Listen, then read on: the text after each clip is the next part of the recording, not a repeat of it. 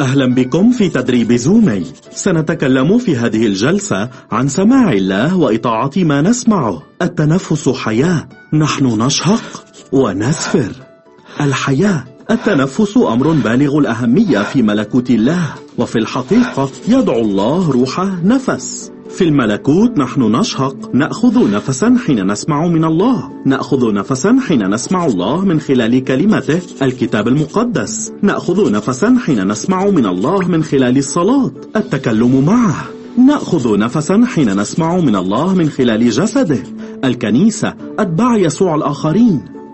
نأخذ نفسا حين نسمع من الله من خلال أعماله. التجارب وأحيانا الاضطهادات والآلام التي يسمح بأن يجتاز أولاده فيها. في الملكوت نحن نسفر. نخرج نفسا حين نعمل حسب ما نسمع من الله. نسفر حين نطيع. أحيانا يكون معنى الزفير للطاعة هو أن نغير أفكارنا أو أعمالنا لتصير متوافقة مع يسوع. أحيانا يكون معنى الزفير للطاعة هو أن نشارك ما شاركه يسوع معنا فنعطي ما أعطانا حتى يتبارك الآخرون كما باركنا الله. بالنسبة لتلميذ المسيح عملية الشهيق والزفير مهمة إنها حياتنا نفسها.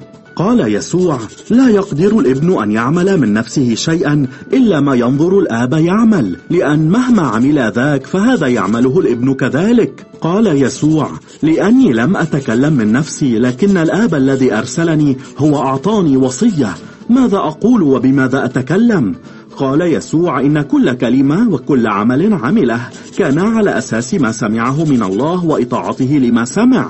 شهيق اسمع من الله. زفير أطع ما سمعته وشاركه مع الآخرين. قال يسوع إن تلاميذه أيضا سيسمعون من الله لأن روحه القدوس نفسه سيدخل إلى كيان كل واحد منا نحن أتباعه. قال يسوع وأما المعزي الروح القدس الذي سيرسله الآب باسمي فهو يعلمكم كل شيء ويذكركم بكل ما قلته لكم. شهيق اسمع من الله. زفير أطع ما تسمع وشاركه مع الآخرين. كان يسوع يرينا كيف علينا أن نعيش. إذا كيف نسمع صوت الله؟ كيف نعرف ما علينا أن نطيعه دعا يسوع نفسه الراعي الصالح. ودعا أتباعه الخراف. قال يسوع خرافي تسمع صوتي. وأنا أعرفها فتتبعني. قال يسوع الذي من الله يسمع كلام الله. لذلك أنتم لستم تسمعون لأنكم لستم من الله. كأتباع ليسوع المسيح علينا أن نكون ملتزمين بأن نسمع صوته. نسمع صوته بهدوئنا وصمتنا أمامه. نسمع صوته بالتركيز على يسوع. نسمع صوته في أفكارنا ورؤانا ومشاعرنا وانطباعاتنا. نسمع صوته حين نكتب ما نسمع ونمتحنه. ليس كل صوت أو فكرة أو رؤية أو شعور أو انطباع هو صوت الله.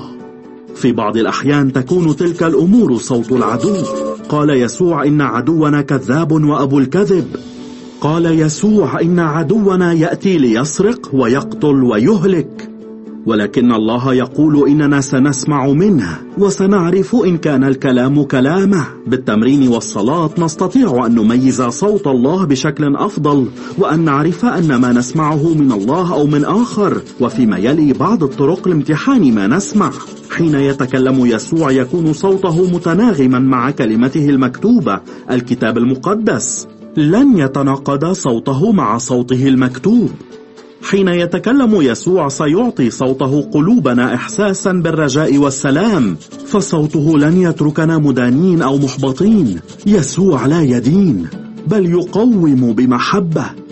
لن يعبر صوت يسوع عن أعمال الجسد زنا عهارة نجاسة دعارة عبادة الأوثان سحر عداوة خصام غيرة سخط تحزب شقاق بدعة.